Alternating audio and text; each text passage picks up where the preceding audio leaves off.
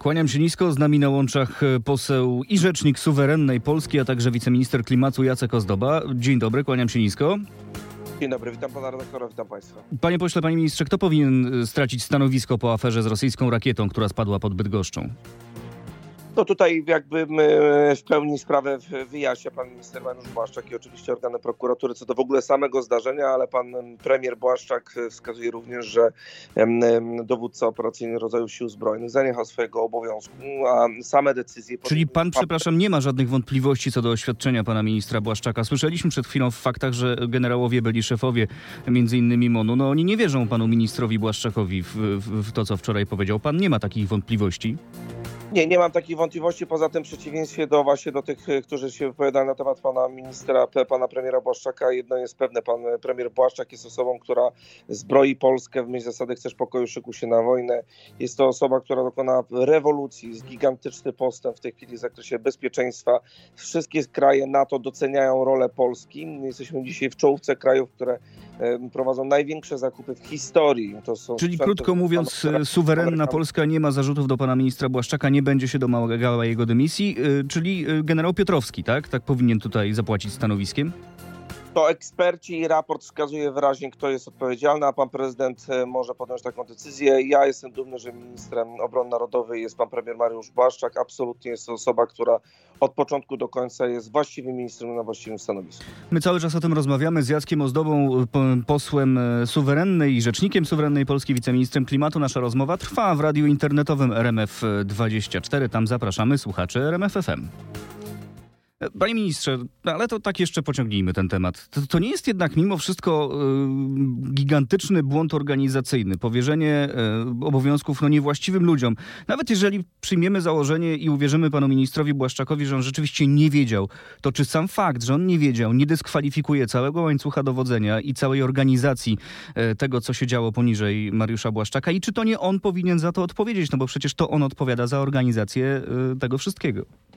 Panie redaktorze, no oczywiście kwestie personalne tutaj niewątpliwie będą e, elementem całego tego postępowania. Tak jak pan minister wspominał, pan premier, e, podczas tego, tego swoistego audytu wskazano, gdzie tak naprawdę czynnik ludzki nieodpowiednio zareagował. Jeżeli pan minister nie otrzymywał informacji na czas i też takiej informacji nie otrzymał, no to trudno, żeby pociągać się do odpowiedzialności e, premiera, ministra obrony narodowej, które naprawdę staje na wysokości zadania, jeżeli chodzi o polskie zbrojenia. No, proszę zwróćcie uwagę, my czasami nie doceniamy roli polskiej polityki w, w Polsce, ale inne media potrafią e, podsumować to, czy chociażby prasa hiszpańska, nawet niemiecka zauważa, amerykańska, no na całym świecie nasze działania w zakresie obrony są doceniane i dobrze by było, jakbyśmy o tym pamiętali. Oczywiście, pamiętamy. Zbrojenia są, są duże. E, eksperci pewnie się sprzeczają, e, ale ja ekspertem nie jestem i nie będę się sprzeczał, jeżeli chodzi o sensowność tych zarzutów, ale jedna rzecz mnie martwi, panie ministrze, bo mamy sytuację, w której w grudniu w lesie spadła rosyjska rakieta. Dowiedzieliśmy się o tym kilka miesięcy później. Ona była szukana albo nie szukana, no tutaj informacje są sprzeczne. Czy to nie jest po prostu kompromitacja polskiego systemu obrony? Ja pytam dlatego, jak my mamy się czuć bezpiecznie, kiedy dostajemy taką informację? Wleciała do Polski e, z Białorusi być może rakieta, która potencjalnie przecież może przenosić ładunki nuklearne, a my nie dowiedzieliśmy się o tym i tak naprawdę niewiele z tym robiliśmy. No jak my mamy się czuć bezpiecznie, panie ministrze? Dopóki nie zakończy się również postępowanie prokuratorskie, no, nie jest właściwe, aby w tej chwili komentować też jakkolwiek na podstawie tylko i wyłącznie informacji medialnych. Odpowiedzialny minister to jest taki odpowiedzialny, który właśnie tak postępuje, jak pan minister, pan premier Mariusz Błaszczak informuje o tym, że został stworzony swoisty audyt, jest raport, to wskazuje, gdzie czynnik ludzki, nie same procedury, ale to czynnik ludzki jest odpowiedzialny i że być może będą konsekwencje personalne, ale te konsekwencje personalne może wciągać pan prezydent. I oczywiście mogą w tej chwili atakować politycy typu pan Siemonia, który rozbrajał polską armię i twierdził, że polska armia nie musi być tak silna jak w tej chwili. Ale jedno jest pewne, że te uszczelnianie, czy właściwie procedury bezpieczeństwa coraz bardziej pokazują, że jesteśmy na, w lepszym momencie i to zauważają, tak jak już wspominałem w tym wywiadzie u pana redaktora, zagraniczna prasa. Szkoda, że my w kraju nie doceniamy roli Ministerstwa Obrony Narodowej. Nie no, myślę, że doceniamy rolę Ministerstwa Obrony Narodowej, ale ale y, zasadne jest zastanawianie się, o co chodzi w tej sytuacji. Sam pan powiedział przed chwilą, że toczy się śledztwo. To Zbigniew Ziobro zresztą pierwszy poinformował. To od jego tweeta, ja dobrze pamiętam, bo ja byłem wtedy w pracy na dyżurze, e, zaczęło się, e, zaczęła się cała sprawa tej właśnie e, rakiety, która spadła pod Bydgoszczą. E, Czy pan ma informacje, e, na jakim etapie jest to śledztwo? Kiedy możemy poznać jakieś konkluzje, jakieś wnioski? Kiedy możemy się dowiedzieć, e, co według prokuratorów tam się wydarzyło? No, Um, to jest, no, po pierwsze oczywiście takiej informacji nie posiadam, bo trudno, żebym jako poseł posiadał, szczególnie, że nie jestem członkiem Komisji Obrony Narodowej, ale niewątpliwie jest to pieczołowicie zabezpieczany materiał dowodowy i postępowania prokuratury są tutaj priorytetowe i jak tylko się zakończą, to będzie informacja właściwa. To pa, pamiętajmy, że również dotyczy bezpieczeństwa. Em, Jesteśmy w, w, w kraju przyfrontowym i y, każde słowa, które są wypowiadane, muszą być naprawdę ważone z uwagi na element wykorzystywania przez propagandę, czy też kwestia bezpieczeństwa jest tutaj bardzo ważna, więc czym mniej na ten temat powiedzą posłowie i e, ludzie, którzy nie powinni się na ten temat wypowiadać, tym lepiej. No to poczekajmy, aż wypowiedzą się ludzie, którzy powinni, tak jak wczoraj minister y, Mariusz Błaszczak. Pewnie jeszcze od pana ministra, pana premiera usłyszymy na ten temat, a ja chciałem zmienić, y, zmienić trochę kurs naszej rozmowy i, i skierować go na bieżącą politykę, ale też nie do końca. No z naszych informacji wynika, że toczy się tajne śledztwo w sprawie nielegalnego finansowania PiSu przez działaczy z Podkarpacia i Małopolski. E, taka jest informacja naszych dziennikarzy. Śląski Wydział Prokuratury Krajowej ją prowadzi. E, Dla pana jako e, posła, jako ministra, jako członka obozu rządzącego, e, to jest problem koalicyjny, który może odbić się wam czkawką przed wyborami? Dlaczego problem koalicyjny? To jest postępowanie, które jest prowadzone przez Centralne Biuro Antykorupcyjne, m, po- oczywiście pod nadzorem prokuratury, ale to czynności i cały zakres inicjatywa jest po stronie Centralnego Biura No Antykorupcyjnego. ale jednak dotyczy to waszego koalicjanta Prawa i Sprawiedliwości, no, ogromnej partii, której, e, której jesteście sojusznikiem.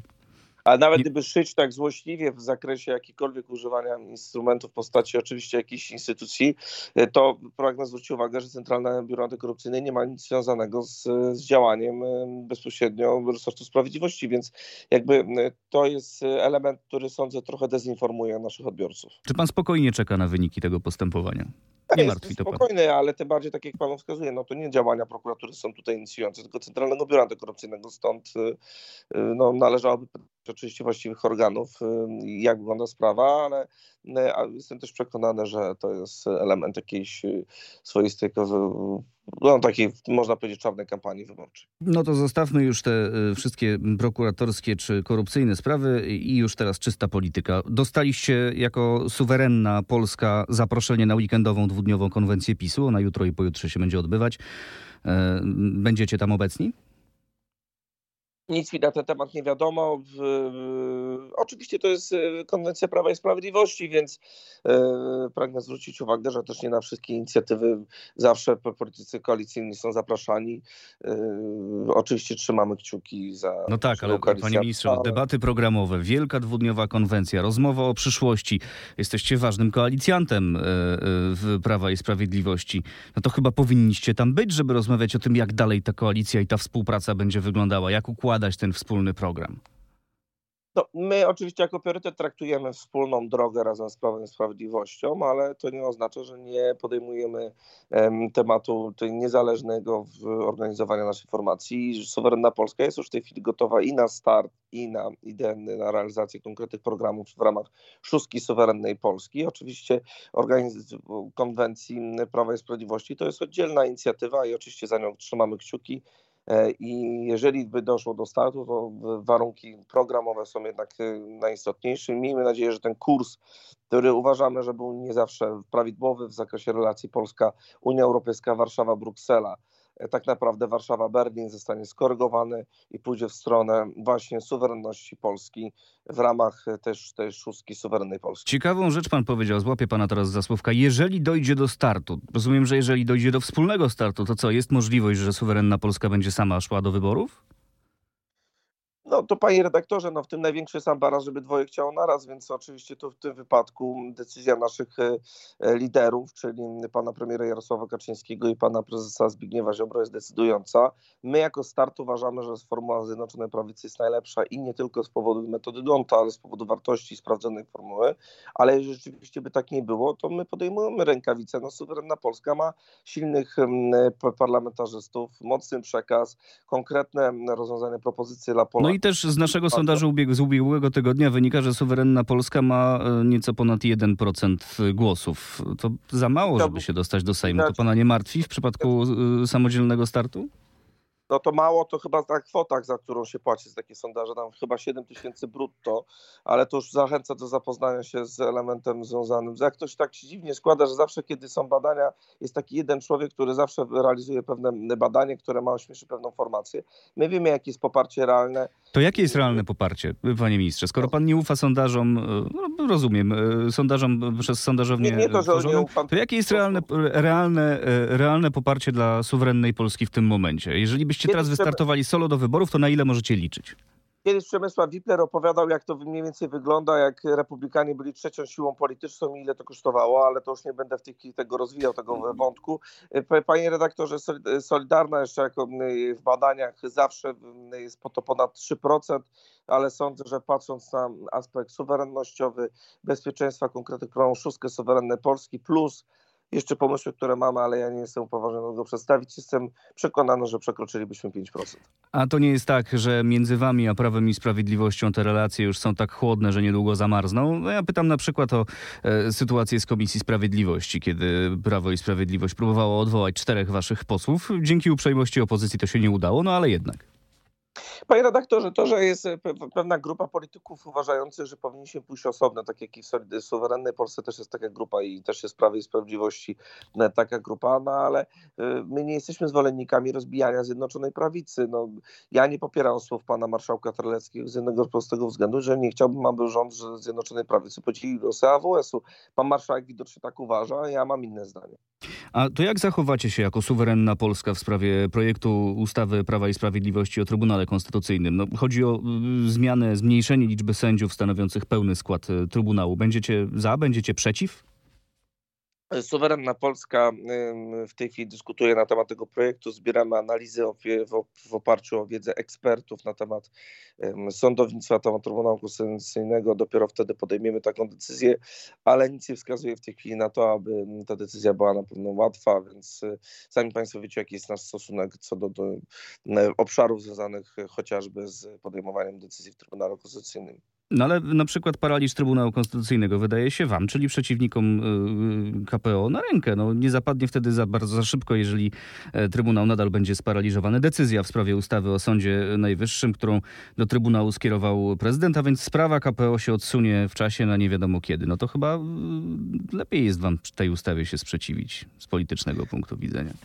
Będziemy o tym informować, jakie są nasze argumenty w tej całej dyskusji, ale dopóki nie zakończymy analizy i te wszystkie głosy, które zgłaszają posłowie, również w tym posłowie Prawa i Sprawiedliwości, którzy dyskutują w kuluarach na ten temat, nie jestem właściwy, abym informował o szczegółach czy też o tych rozmowach. Do tego czasu muszą się Państwo w cierpliwość. Dobrze, panie pośle, panie ministrze, ma pan żal jeszcze wracając do y, Prawa i Sprawiedliwości za próbę odwołania waszych posłów z Komisji Sprawiedliwości? Emocje tu nie mają żadnego znaczenia. No, Artytyka sejmowa wygrała. No trudno, żebyśmy podejmowali decyzję odwołującą naszą, naszych posłów bez konsultacji z nami, więc taka decyzja została podjęta, że głosujemy przeciwko. I mam nadzieję, że to był taki incydentalny, można powiedzieć, yy, przypadek, który już nie będzie się powtarzał. No incydentalny przypadek, a emocje czasami jednak biorą górę, tak jak na przykład w przypadku posłanki Joanny Lichockiej. Ona wrzuciła takie nagranie na sieci, w którym widać, jak rozmawiacie z posłami opozycji po posiedzeniu, z Kamilą Gasiuk-Pichowicz. No i ona wam zarzuca, że wy jesteście już prawie, że w, w sojuszu z opozycją. To, to chyba nie za dobrze, jeżeli wśród koalicjantów pojawiają się takie zarzuty. No to jest pewnie sfera emocjonalna. No pani poseł chyba nie wytrzymała emocjonalnie. No ja nie oceniam takiego zachowania jako pozytywnego, nie chciałbym też się personalnie odnosić. Nie przywykłem do tego, że ktoś w kuluarach nagrywa, tym bardziej, jeżeli ktoś do mnie coś mówi, to ja raczej odpowiadam z uwagi na kulturę. Stałem przy wyjściu, to jest też główne wyjście do Sejmu. Równie stali tam wcześniej posłowie Prawa i Sprawiedliwości, Marek As też się cały czas przewijał i jeżeli ktokolwiek z tego coś interpretuje, bardziej ma to znamiona pewnej takiej manipulacji czy złośliwości, no ale to już jest widoczny poziom komunikacji pani poseł, nie, nie mój, więc oczywiście ja nie będę tutaj odpowiadał na jakieś takie dziwne, bardzo piasko, zachowania, czy z piaskownicy, jakieś nagrywania, insynuacje. Jest to nieeleganckie na pewno i kultura mnie wychowała, że jeżeli ktoś coś do mnie mówi, to ja zdarza mi się odpowiadać. Zresztą w ogóle parlamentaryzm tak na tym już polega. No, 10 czy 15 minut później jeden z ministrów rozmawiał też z posłem opozycji na tematy ważne, więc to nie jest tak, że my e, za każdym razem mamy pokazywać e, pewne swoiste hamstwo w relacjach z, z drugą stroną. Nie no, w ogóle to... go nie powinniście pokazywać, nie, że za każdym razem. ale jak widać, jak uważają, nawet dzień dobry nie można odpowiedzieć, więc ja bym nie chciał, żebyśmy w taki parlamentaryzm... Ja nie przywykłem do tego i tak jak wspominam, ja nie będę zachował tu twarz ludzką, jeżeli ktoś coś do mnie mówi, mówi do mnie dzień dobry, czy coś do widzenia, ja będę odpowiadał, jeżeli ktoś to będzie interpretował, że to jest jakaś forma współpracy, no to to już pozostawiam dla odbiorców, co to tak naprawdę jest. Panie ministrze, e, panie pośle, suwerenna Polska, a nie solidarna Polska, pewnie był pan o to pytany już wielokrotnie. Zmiana nazwy, e, wy, wytłumaczyliście, dlaczego ona, się, e, dlaczego ona się wydarzyła, a czy za tą zmianą nazwy z Solidarnej na Suwerenną Polskę będzie, szła, będzie szło założenie nowej partii, zupełnie nowej partii?